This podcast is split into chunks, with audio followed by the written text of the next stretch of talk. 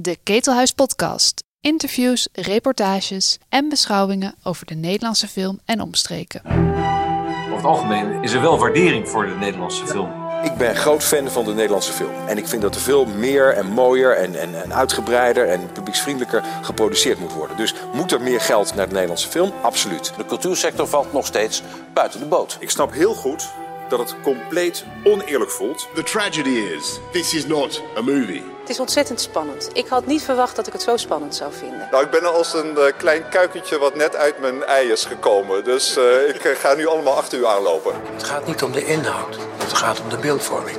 Niet om gelijk hebben, maar om gelijk krijgen. En live in 5, 4, 3,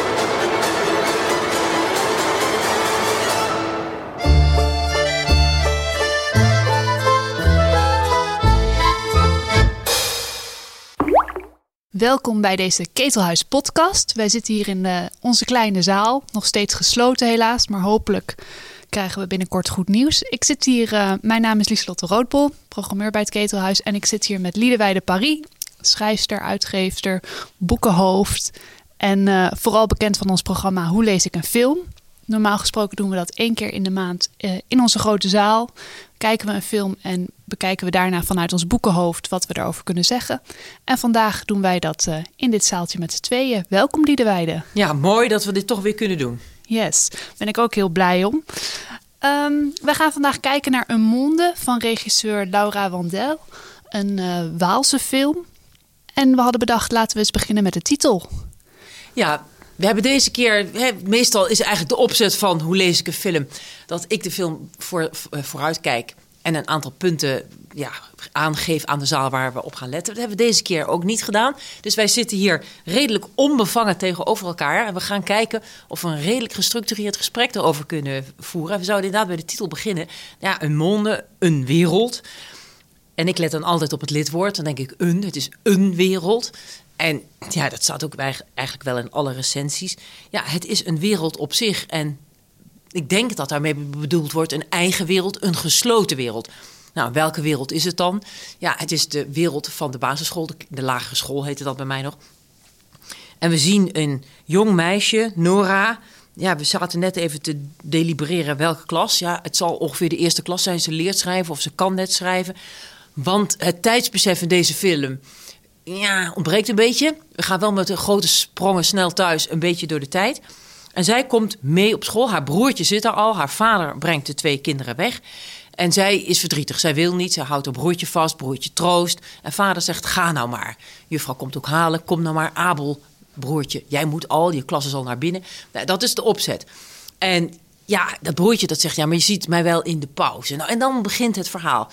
En dan zie je dus eh, de hele chemie met nieuwe kindertjes, nieuwe klas, de juffrouw, andere klassen en dat soort dingen. Nou, en dat is die wereld. En dat hele verhaal speelt zich ja, eigenlijk in die wereld af. En die bestaat uit het schoolplein, hè, de pauzes, de kantine, zitten ze te eten. De zwemles. Zwemles, gymnastiekles. Heel soms zit je even in een klas bij een lesje.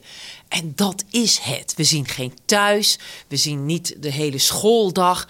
En we zitten steeds ploef erin, ploef er weer uit. Dat maakt het heel lastig. Hè? Je krijgt steeds een kort scènetje of iets en dan gaan we weer verder. Maar het gaat om, ja, eigenlijk, ja, hoe handhaaf je of hoe vind je je plek in die wereld? Ja, en dat is natuurlijk deze wereld, maar dat is in de hele wereld. En zo is dit voor mij ook wel een, ja, een soort van kleine versie van de grote wereld. Ja, dat is natuurlijk de meest voor de hand liggende metafoor. Dat je zegt, ik laat de kleine wereld zien. Maar dan denk ik, want jij vertelde mij dat het helemaal niet zo zou heten aanvankelijk. Nee, eigenlijk hadden zij, uh, klopt, dat zij hadden een andere titel in gedachten, namelijk La Naissance des Arbres. Ja, prachtig hè? Geboorte van de bomen. Ja, de geboorte van de bomen, ja. Ja, en ik denk dat dat terugslaat op inderdaad het opgroeien. Dat Nora nieuw op school is. Ze leert haar eerste. Nou, ze gaat door de eerste dagen heen en ze ontwikkelt zich. Maar de regisseur zei in een interview dat ze het te poëtisch vond nadat ze de montage af hadden gerond en dus kozen voor een andere titel. Ja, kijk, wat natuurlijk het verschil is.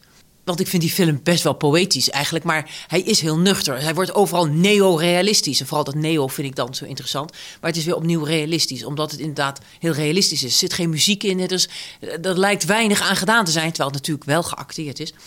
En een monde is eigenlijk heel neutraal. Het is gewoon een wereld. En dan is de stap gemaakt van, ja, dit is een ja, voorloper of een, variant, een metafoor voor de grote wereld. Maar je kan ook zeggen, ja, dit is de kweekvijver van de wereld.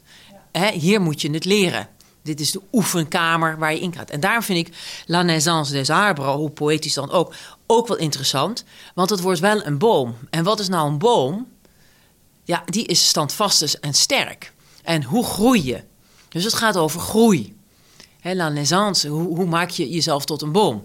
Ja, en hoe wortel je? Hoe wortel je ook, maar ook hoe, hoe groei je? Hè, want het gaat over la naissance, dus het wordt geboren en je groeit op, dat soort dingen. En ik verbind dat dan met een scène. Want op een bepaald moment zitten ze voor te lezen. Dan gaat het over de wolken en dan de bomen en dat soort dingen. En misschien is dat ook wel de titel geweest van een verhaaltje... wat ze in die klas hebben voorgelezen. Wat misschien dan net iets poëtischer is. La naissance des arbres. Um, want dat komt wel weer in het verhaal terug. Maar ik vind het inhoudelijk veel interessanter... want dan ligt het accent opeens heel erg anders.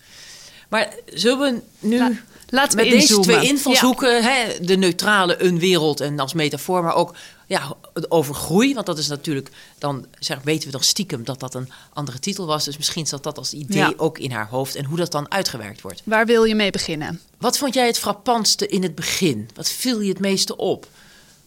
Want eigenlijk alles, het kachelt door, hè, die film. Ja, en er zitten ook enorm veel herhalingen in. Wat ik het opvallendst vond aan het begin ehm, was eigenlijk de hardheid van uh, de docent. Nora is, uh, uh, is dus haar eerste dag op school. Zij wordt afgezet door haar vader op het schoolplein. Um, hij vindt dat heel moeilijk, moet enorm huilen. Nou, wordt uiteindelijk meegenomen door een juf. En um, dan zie je haar eerst in het klaslokaal. Iedereen stelt zich voor, zegt zijn naam. En dan vervolgens, uh, een volgende scène is lunchpauze. En dan loopt ze daar met haar eten en dan wil ze naar de broertje toe. En dat mag niet. Um... Ja, we lopen niet met eten. Ja. Nou ja, daarvoor ook al. Kijk, die vader die heeft dat huilende kind. En zij rent nog een keer terug naar die vader als ze met de juffrouw mee de klas ingeleid wordt of de school ingeleid wordt. En zij rent terug. En die vader denkt, nou dan loop ik even mee. En zegt de juffrouw, nee, nee. Uh, de, uh, ouders mogen niet mee naar binnen. Ja, die kennen natuurlijk het klappen van de zweep. Uh, ik denk dat Belgische scholen wat gedisciplineerder zijn dan Nederlandse scholen. Dus ik denk ook dat dat meespeelt. Want later staat die vader een keer bij het hek. Ja. En dan mag ze er ook niet heen. Dan mag die vader. Nou, in Nederland zou geloof ik niemand het in je hoofd halen om tegen een ouder te zeggen: je mag niet bij het hek staan. Nee, dus ik denk dat dat een beetje Nederlands is. Maar waarom vond je dat zo streng? Ik vond dat heel streng omdat ze zo uh, zoekende was. Maar eigenlijk was ik daarna, want dan heb je die lunchpauze. En dan vervolgens gaan ze naar het speelplein, waar heel veel andere scènes gebeuren. En daar uh, ziet ze haar broertje. En daar mag ze eindelijk wel, mogen ze mixen met z'n allen. En dan uh, loopt ze naar hem toe en dan stuurt hij haar weg met, met de boodschap: Nee, we pesten de nieuwe, ga weg, want anders gaan ze jou pesten. Ja. Dat zette voor mij de toon van de film. Dacht ik: Oh ja, we zijn begonnen. We zijn begonnen, ja. Ja, nou kijk, wat ik zo mooi vind, want nou, ik geloof dat je 80% van het verhaal moet je van haar gezicht aflezen. Zij zegt niet zo heel veel. Dat kleine dondersteentje, hoe heet ze? Maya van der Beek heet ze. Ja, een Vlaamse naam, maar ze spreekt Frans. En je ziet dat gezicht kijken en je ziet dat gezicht denken vooral. He, je denkt, what the fuck, weet je wel? Want het broertje had beloofd, nee, in de pauze zijn we samen. En daarom is die titel Een Monde, zegt ze ja, als de hekken dicht zijn en de ouders weg, gelden er andere regels. En dat is zo frappant, want wat er gebeurt er daarna, ja, wat gebeurt er daarna? Zij denkt van ja, maar dat laat ik mij niet zeggen. Je had beloofd dat ik in de pauze bij jou kon zijn. Nou, ah, dan kom ik in de pauze ook naar je toe. En dus zij is valhardend. Ze denkt, ik loop weer naar dat broertje. En dan wordt ze, ik geloof door een grote jongen bij de keel gepakt, tegen het hek geduwd. En dan neemt dat broertje het voor haar op. Ja, klopt. Ja, en dan, dan begint de, de zaak te keren. Ja. Voor de eerste keer. Ja, ja want dan inderdaad, dan, uh, dan zijn de vrienden van Abel, het broertje, waar die eerst nog mee samen iemand anders mee aan het pesten was, die keren zich tegen hem. Ja, want dan zegt hij, uh, die grote jongen. Kijk, we hebben het over een grote jongen en dat vermoeden wij omdat zijn hoofd niet in zicht is. Want dat is even wel een punt van belang. Uh, ik denk dat je het grootste gedeelte van alle mensen in de film niet ziet, wel alleen hoort.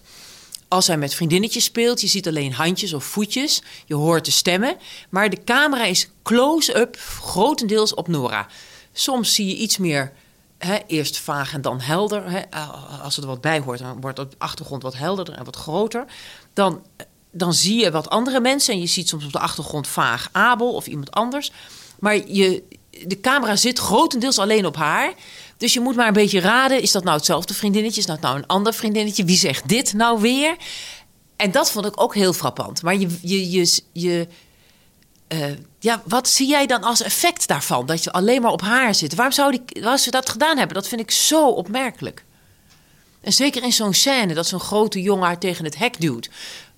Ik zou die grote jongen wel willen zien. Waarom zou een regisseur dat gedaan hebben? Nou, omdat je je zo bij haar bent. Dus je ziet de wereld ook, omdat je alleen maar op haar perspectief zit, zie je de wereld ook alleen vanuit, zeg maar, vanuit haar perspectief. En je ziet dingen wel en dingen niet, die zij ook wel of niet ziet. Ja, maar dat is natuurlijk zo interessant.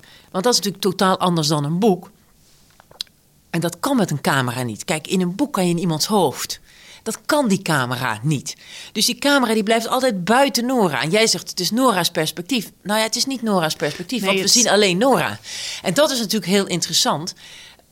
Uh, want dat, is, dat vind ik altijd het meest interessante, het meest duidelijke, maar ook het meest uh, lastige verschil als er bijvoorbeeld boeken verfilmd worden. He, boeken waarin veel gedacht wordt en veel dialoog, dat is dan wel fijn, maar veel gedachtes of handelingen waar je iets uit moet afleiden dat is allemaal wel de vertalen handelingen en gesprek. Maar gedachten niet. En daar moet je dus wat mee doen. En je moet dus haar vertraging of haar denken of uit haar reacties, hoe ze dingen, op ze dingen reageert, moet je afleiden. Dan heb je dus blijkbaar dat en dat en dat gedacht. Wat ik nou zo lastig vind, ze zegt niet zo heel veel terug, hè? Nee, maar je ziet haar de hele tijd kijken en denken. En ook wat vooral met die speel of die uh, de gymles zie je haar verkrampingen. En dat zei voor mij veel meer dan, dan dat het woorden is. En dan af en toe komen er woorden uit, vrij krachtige woorden. Want ze is niet helemaal, ze is echt niet op haar mondje gevallen. Ja, nou kijk, wat ik zo interessant vind, want ik heb natuurlijk ook zitten nadenken. Want ja, het lijkt, uh, kijk, op een bepaald moment, ze kan schrijven en ze zit in die klas en je ziet haar ook wel verbeteren en ze speelt met vriendinnetjes. Maar er gebeuren een paar dingen. Laten we eens een paar belangrijke dingen uh, langslopen. Want jij zegt er zitten allerlei herhalingen in, er komen allerlei dingen terug. Wat, wat is voor jou het belangrijkste wat terugkomt? Het belangrijkste wat terugkomt um, zijn eigenlijk de, nou, de film, wat we al zeiden, vindt plaats op een op een paar plekken. In de lunchkantine, tijdens de les en tijdens de sportles. Um, en op het schoolplein? En op het schoolplein. En uh, uiteraard op het schoolplein. um, en wat uh, voor mij een belangrijke herhaling was, um, is nou, vooral die in die lunchkantine bijvoorbeeld, dat zij eerst daar alleen zit, naar de broertje wil. Dan op een gegeven moment zit ze daar met vriendinnetjes.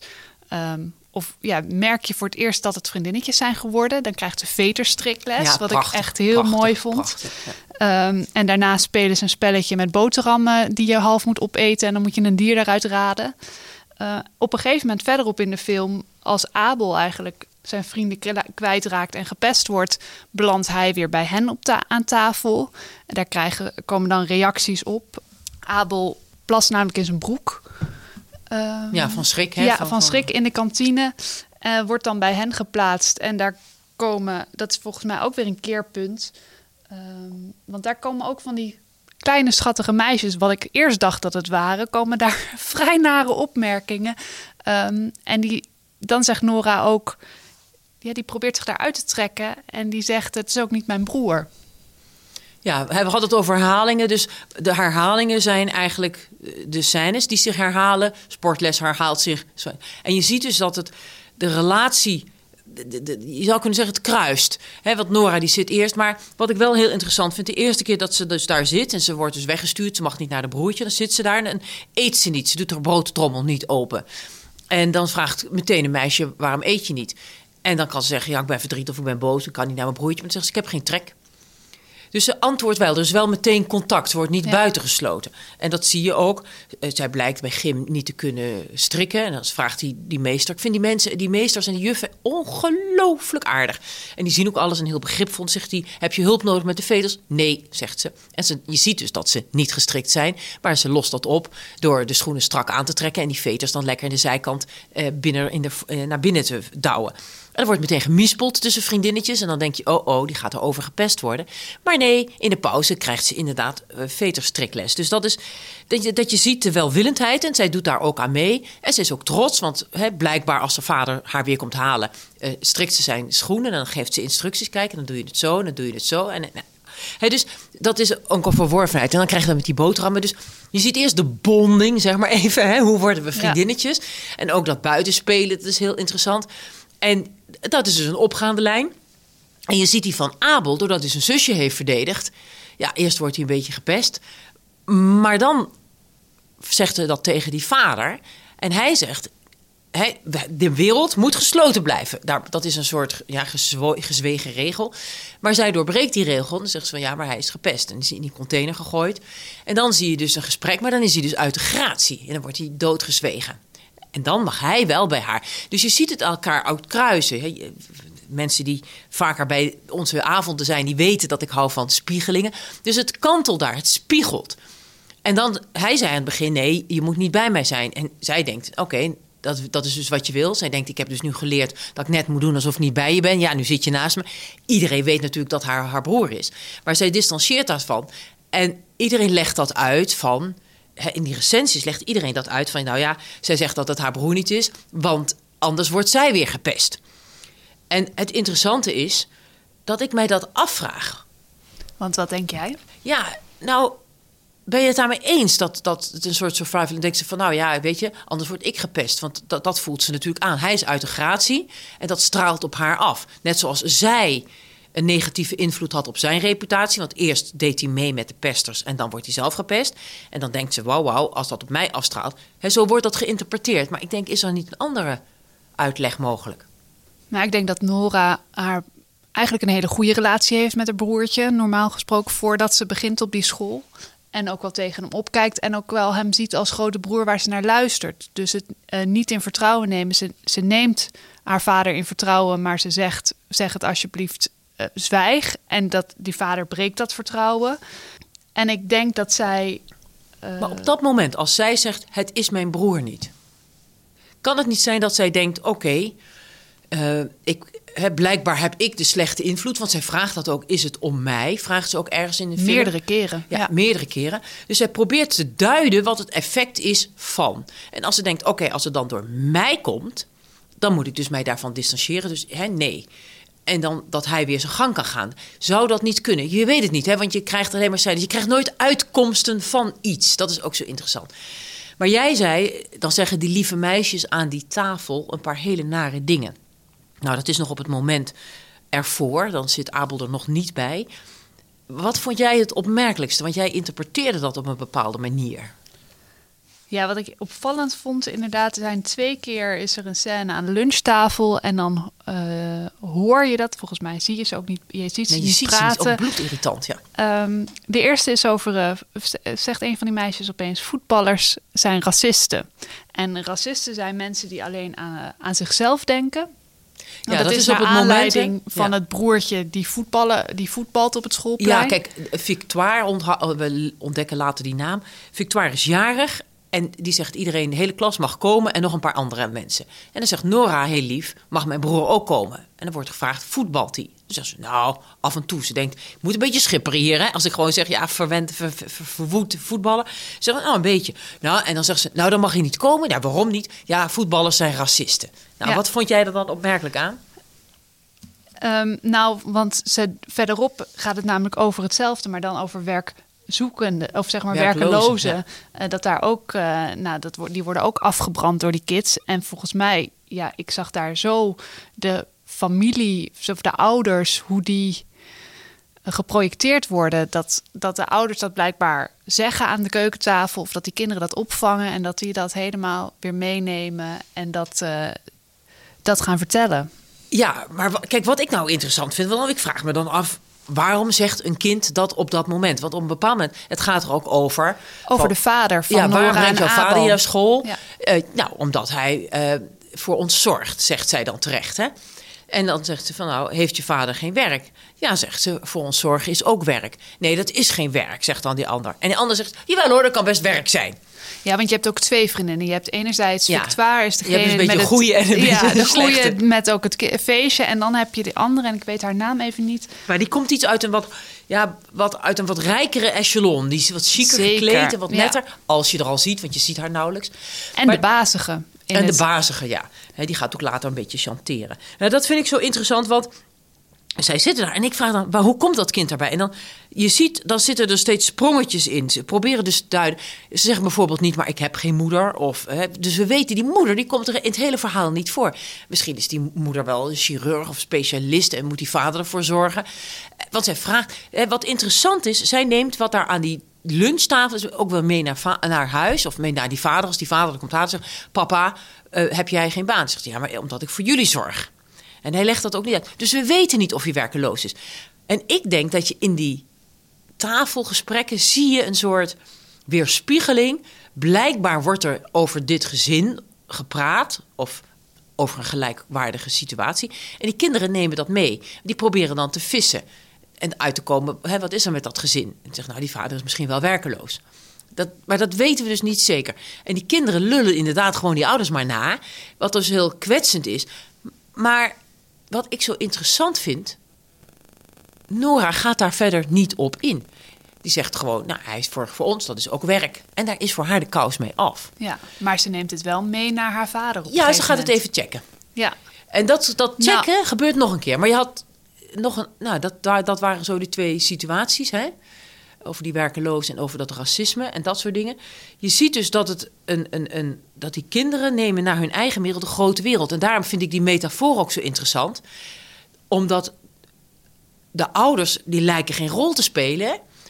Maar die injecteren die kinderen wel met van alles. zeker. En die proberen op een gegeven moment. Je hebt twee situaties waar ouders ingrijpen eigenlijk. Je hebt de. ehm, nadat Abel in de eh, eh, vuilcontainer is gegooid door vrienden. ehm, worden ze op het matje geroepen met de ouders erbij. En zitten die ouders. ehm, eigenlijk die kinderen, die hebben, voor, met name ook Abel, die heeft zoiets van: hou die ouders erbuiten, want die veroorzaken dit alleen maar en die maken het alleen maar erger. Maar dan moeten ze hun inderdaad handjes schudden en het moet harder. Ja, het ze zitten bij het hoofd van de school ze worden ter Ja. verantwoording geroepen. Ze moeten, Ja. Sorry. En, dan op een gegeven moment. Alleen de camera op Nora, hè? Ja, en want Nora zit daarbij eh, als zusje van. eh, had ik, ja, die moest mee. Eh, en je ziet haar ook verkrampen. Je ziet haar die. Ja, dat Ik gezichtje. wil hier niet zijn. Ik dacht Ja. van, ik wil hier niet zijn. Ja. Ik, ik wil hier niets mee te maken Ja. hebben. Ja. En dan heb je nog een tweede eh, interventie van de ouders. En dat is als Nora. ehm, nou, Nora heeft inmiddels ruzie met de vriendinnetjes. Die eh Victoire is jarig en deelt uitnodigingen uit. En Nora krijgt geen uitnodiging. Nou, dit vond ik echt eh, prachtig dat ze dit Killing, erin hè? hadden gedaan. Ja. Super. ehm, nou herkenbaar. Iedereen de herkenbaarheid herkenbaar, Van, van het schoolplein. En, eh, Nou, en we weten dan op dat moment al, ik mag de hele klas uitnodigen en nog een paar. Dus dat zij geen uitnodiging krijgt, is dus een hele bewuste keuze. Ja. Want je weet eigenlijk dat de hele klas is. Maar wat gebeurt er dan? Want dat vind ik zo interessant.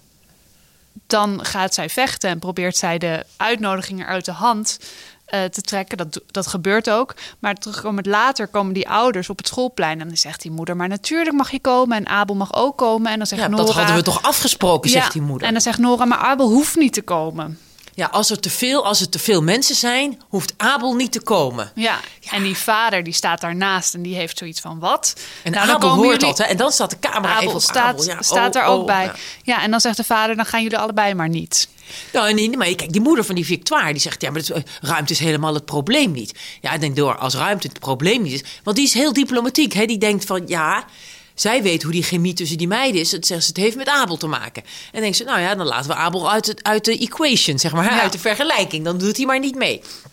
En eh, blijkbaar is dat niet genoeg op de een of andere manier. Dus zij is ook besmet geraakt. Maar ze heeft dus die eh, uitnodigingen gejat en die zijn dus verscheurd. En die juf ook heel lief, die gaat het dan met haar plakken en dat soort dingen.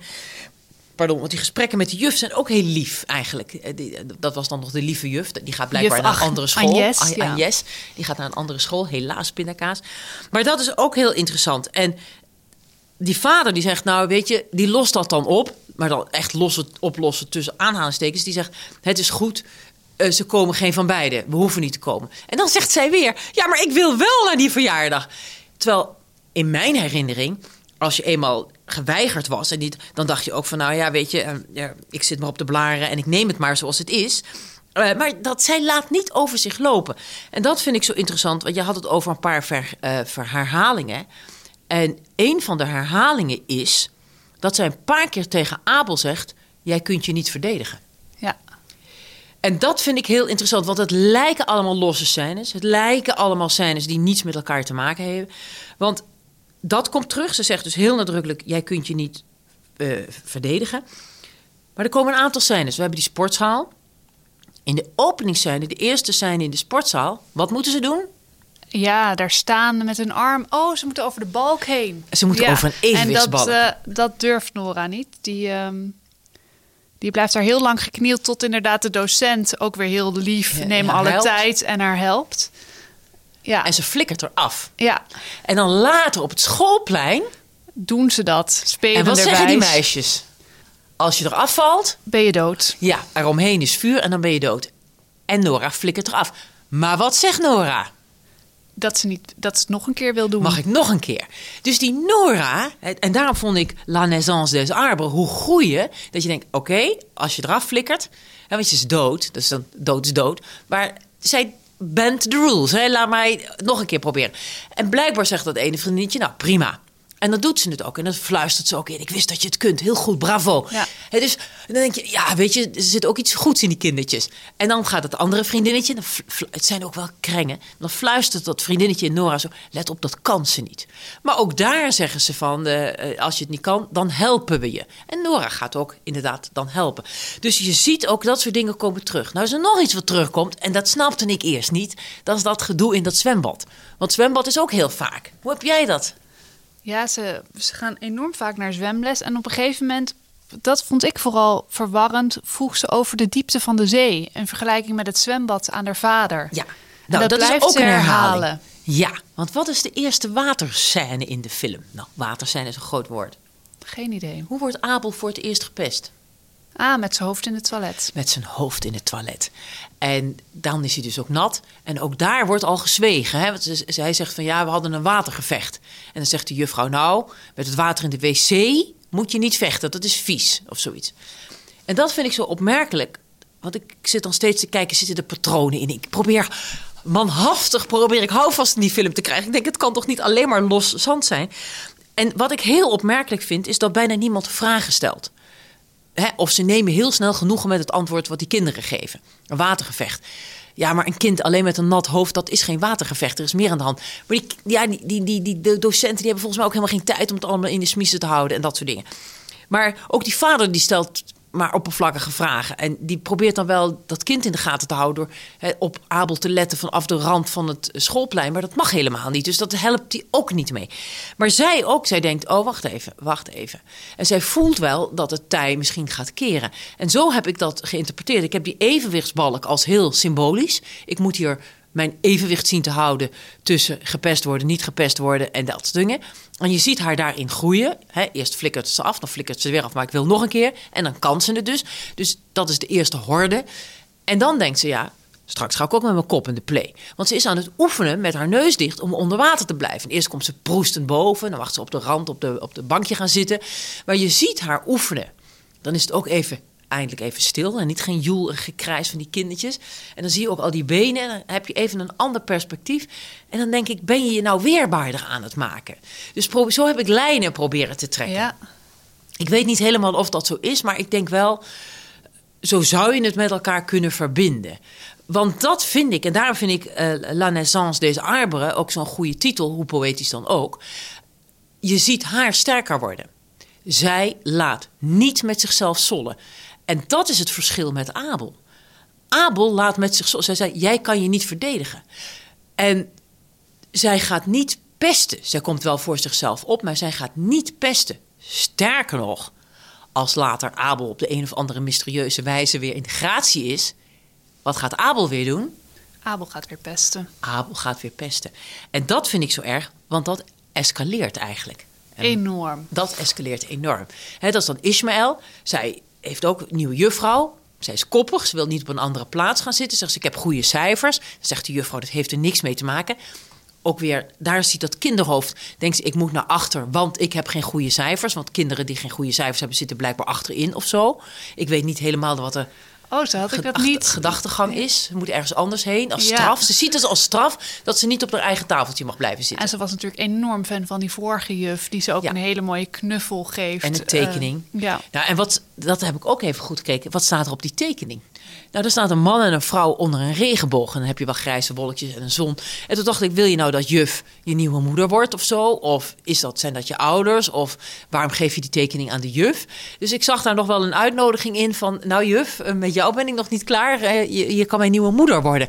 Maar dat weten we niet zeker, want we weten niet waar die moeder een is. Een monde deel 2. Ja, ja een monde deel 2. Maar dat zie je maar weer. Het romantische hart wil altijd meer dan dat je krijgt. He, maar die, die, zij wordt dan uit de klas gestuurd, want ze heeft ruzie met de juf omdat ze niet naar een ander tafeltje wil. Hij dit is de enige juf die niet, um, zeg maar, eindeloos geduld heeft. En zij staat er op de gang en dan komt uit het andere lokaal komt Ismaël. Huilend. Huilend. En die loopt slof, slof, slof naar de wc. En ja, zij gaat handelen. Dat vind ik ook zo mooi. Die kleine donder, die roept Ismaël, Ismaël, Ismaël. Nou, en ze loopt achter hem aan naar de wc. En dan, en dan huilt hij en dan zegt ze, is dat door mijn broer? En dan zegt hij ja. Nou, dan komt die juffrouw, die is natuurlijk Nora kwijt. Nou, Nora, Nora. En dan neemt hij die mee en zegt ze: Wat was je? Ik moest even naar het toilet. Dan, dan, dan doet ze de, ja, de belachelijke woorden dat de juffrouw zegt: Je mag, uh, dan moet je vragen. En dan denk ik: Maar het kind staat op de gang. Hoe moet ze dat dan vragen? Moet ze dat aankloppen? Juffrouw, ik sta op de gang, mag ik naar de wc? En dan zegt ze ook wijselijk niks. Ik vind dat kind fenomenaal. Die denkt: Nou, hou jij, uh, hè, ik hou mijn bek gewoon en bekijk het. Maar dat is ook de ontwikkeling in hoe ze heeft geleerd. Want de eerste keren vraagt ze de hele tijd de juf: Mijn broer wordt gepest, mijn broer wordt Ja. gepest. En haalt ze de juffen erbij. En Ja. dan merkt ze dat dat gewoon geen effect heeft. Of Nou, tegenovergesteld. tegendraad, en dat, ik moet dat dus zelf oplossen. Ja. En het interessante is, kijk, als zij op die school komt, Abel let helemaal niet op zijn zusje. Zij is continu. Hè, je ziet haar kijken en zoeken. Waar is mijn broer? Waar is mijn broer? Waar is mijn broer? Je ziet er ook heel veel op de rug. En dan zie je haar kijken. Dan zie je het kopje maar heen en weer gaan.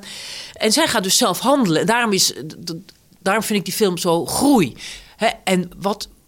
Nou, als, je nou zou, als jij een term zou moeten vinden. Waar groeit ze in? Wat is er wat bij haar groeit? Ja, vertrouwen in zichzelf. Dat ja, maar zelf. nog iets anders. Want uiteindelijk grijpt zij in aan het eind van de film. Ja. ja, zij voorkomt. eh, Zij corrigeert haar broer, laten Ja. we het even heel neutraal zeggen. Ja. Ja. Ja, en dat vind ik dus inderdaad ja, een soort van vertrouwen in zichzelf. Dat ze niet meer de hele tijd met die broer bezig is. Of dat ze zich aan hem optrekt wat ze in het begin eh, wil doen. Maar dat, eh, dat ze daar zelf staat. En ook Ja, haar, dus voor haar zelfstandigheid. waarde eigenlijk opkomt. Ja, zelfstandigheid heeft ze. Maar ze heeft een. Die kleine donder heeft een onafhankelijk denkende geest. En dan groeit een moreel kompas. Ja. Dat heeft ze al. Maar ze weet niet hoe ze dat kompas zeg maar, op het noorden kan houden. hè. Want er wordt gesjo- En op een bepaald moment denkt ze: Nou is het klaar. Hier trek ik een grens. En dat zie je. En dan denk je: Ja, ik zal dat dus zelf moeten doen. Want ook, zij wordt op een bepaald moment ook een outcast. En zij gaat niet zoals Abel tegen een muurtje staan leunen. Ze gaat gewoon alleen spelen. Gaat een gaatje graven en, eh, in het gras. En dan denken ze, dan niet, weet je wel. Ga ik wel alleen spelen. En ja, dan denk ik, jemig, wat ben jij fantastisch. Ja. En ook dat gesprek wat jij zei in die zandbak. Dat die meisjes zeggen van... eh, dat is een soort heel bedreigend gesprek eigenlijk. Want er is een dood vogeltje. En daar leggen ze dan allemaal takjes om. En dan de juffrouw die pakt dan met een plastic zak dat vogeltje weg. Ik had toch gezegd, wegblijven, het is vies en zo.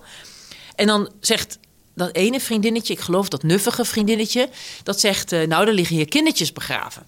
En dan zegt zij ook, dat kan niet. Dat is niet diep genoeg. Ook prachtig antwoord. Jawel hoor, zegt ze. En dan, om te controleren, om toch haar gelijk te halen... zegt ze tegen, ik geloof Victoire... heb jij wel eens de bodem van de zandbak bereikt? Nee, zegt ze, zo diep ben ik nog nooit gekomen. Nee, zegt dat vriendinnetje, "da- eh, het is dieper dan de zee. Ja, hoe diep is de zee? Nou, wel duizend meter, weet je wel. En dat gaat ze controleren bij haar vader. Dus wat zie jij? Zij denkt onafhankelijk. Zij denkt van, in een zandbak is niet diep genoeg. En die meisjes gaan dan in de fantasie, die gaat nee, gaat veel dieper. Maar dan denkt ze, wacht even, dit gaan we even controleren. Want of de zee is niet zo diep, of die meisjes liegen in die zandbak. Dus zij checkt de hele tijd. eh, wat is waar, wat is niet waar? Wat is er met papa aan de hand? Waarom heeft hij geen werk? Eh, ze checkt het de hele tijd. En dat vind ik wel heel interessant. Dat aftasten van, wacht even, wat is nou de waarheid? Of hoe ga ik daarin mee? En dat vind ik, dat groeit in haar. En daarom is die, je blijft de hele tijd kijken. En ik vind het wel beangstigend, want ik vind het wel vermoeiend dat die camera de hele tijd op haar staat. Maar je blijft de hele tijd kijken. En een van de recensies, ik geloof in Trouw, die zei ook dat ze eerst met zichzelf bezig is. En op een bepaald moment dan zie je meer de omgeving. En die is eerst wat vaag, onscherp en later scherp. Want dan denkt ze van ja, ik ben deel van een wereld. Later is ze er weer, staat ze er weer buiten. Zoomen we weer in, zie je ook meer op haar rug. En dan zie je het weer onscherp. Dat vind ik wel heel mooi filmisch gedaan. Ehm, maar het geeft ook haar, ja, haar werdegang, haar, haar ontwikkeling weer. En dat vind ik ongelooflijk knap in die film. Hoe zij ja, wordt tot iemand. En dat ik denk van, nou, je hebt meelopers, hè, want dat, je hebt die meelopers, je hebt die napraters van die ouders. Maar zij denkt, ik ben zelf iemand. En eh, ik, ja, dat vond ik eigenlijk het mooiste aan die hele film. Ja, en zo knap gedaan door die zevenjarige actrice. Ja, nou, dat kind, dat, eh, dat komt er wel. Ja, Ja. Dat kind in de film komt er wel, maar die actrice komt er ook wel. Ja, nou ja, we hadden nog een soort conclusie. Heel veel mensen hebben als conclusie in de recensies... het is een soort survival of the fittest. Hè? En nou ja, jij zei ook gepest of gepest worden. Hè? Ik weet heel, niet helemaal... eh, want survival of the fittest... Ja, het is ook mind over body lijkt het bijna wel. Hè? Gaan we vechten of gaan we ons hoofd gebruiken? Ja, en dan uiteindelijk wint tussen aanhalingstekens Nora. Ja, zo die, zou kunnen die zeggen. Haalt het, pe- het Ja. beste van Abel uit elkaar. En dat die eindscène vond ik prachtig. Het de film begint met een knuffel en eindigt met een knuffel tussen Abel en Nora. En op het einde haalt zij Abel dus van Ismaël af. En, en ja, toch een soort van knuffel. En Zij blijft aan zijn rug hangen. ja, En- geeft hij, komen die emoties los en begint hij te huilen. Nou ja, kijk, wat ik zo mooi vind. Hij troost haar in het begin. En aan het eind, zij blijft gewoon op zijn rug zitten. Eerst om hem los te trekken. Nou, daar is ze te klein voor en niet sterk genoeg. Maar zij blijft gewoon hangen. En, het, en, en, en eh, losrukken gaat om in een soort omhelzing. Van, ik ben er wel, ik hou je in de gaten, ik waak over jou. Wat hij dus niet met haar gedaan heeft, hè? laten we dat even zeggen. En ja, wat ik altijd zeg, altijd iemand heeft een rugzak. En ze, zit bijna als een rugzak, want die rugzak van haar is ook heel aanwezig. mooi. Ja, en daar, daar zit een sterrenhemel op, dus de planeten. Dus dat is ook, weet je wel. en, Daarom is het ook zo'n mooi contrast tussen die rugzak. Hè, wat is je rugzak in het leven? Dat is wat je geleerd hebt op het schoolplein, zou je ook kunnen zeggen. Dus ik, je ziet het al, ik ga helemaal los op de symbolen. Maar hè, dus, dat, dat is de, de buitenwereld, dat is dat planetarium. En, en zij wordt letterlijk zijn rugzak. Zegt ze, ja, je kan mij niet ontkennen. Ik ben er. En ik laat niet los. En ik blijf je zusje. En nou, hij staat dan op. Hij, hij ik, ja, ik denk bijna, hij realiseert zich... wat ben ik in godsnaam aan het doen? En hij draait zich om en zij troost hem. Dus die spiegel, eh, die, die, die wordt tot aan het eind en het begin door. Dat heb je niet zo door, omdat het allemaal een beetje doorkachelt. Maar ik denk dat die film toch weer, zoals de meeste films... in ieder geval heel slim gemonteerd is. Maar ik denk ook dat daar bewust over nagedacht is. Nou ja, kortom, een film die je moet zien, toch? Ja. ja, dus ga vooral de film kijken. Hij staat op pikkel.nl, eh, op vitamine, vitamine Cineviel. En hopelijk eh, vanaf aankomende donderdag of vrijdag weer in het Ketelhuis. Ja, laten we dat toch hopen, zeg. Dankjewel, Liedewijde. Ja, dankjewel. Tot zover deze Ketelhuis podcast. Je vindt de Ketelhuis podcast in je favoriete podcast app en natuurlijk op onze website ketelhuis.nl slash podcast. Abonneer je vooral zodat je geen enkele aflevering mist en leuk als je een reactie achterlaat. Hou ons in de gaten, we zijn snel weer terug met een nieuwe podcast.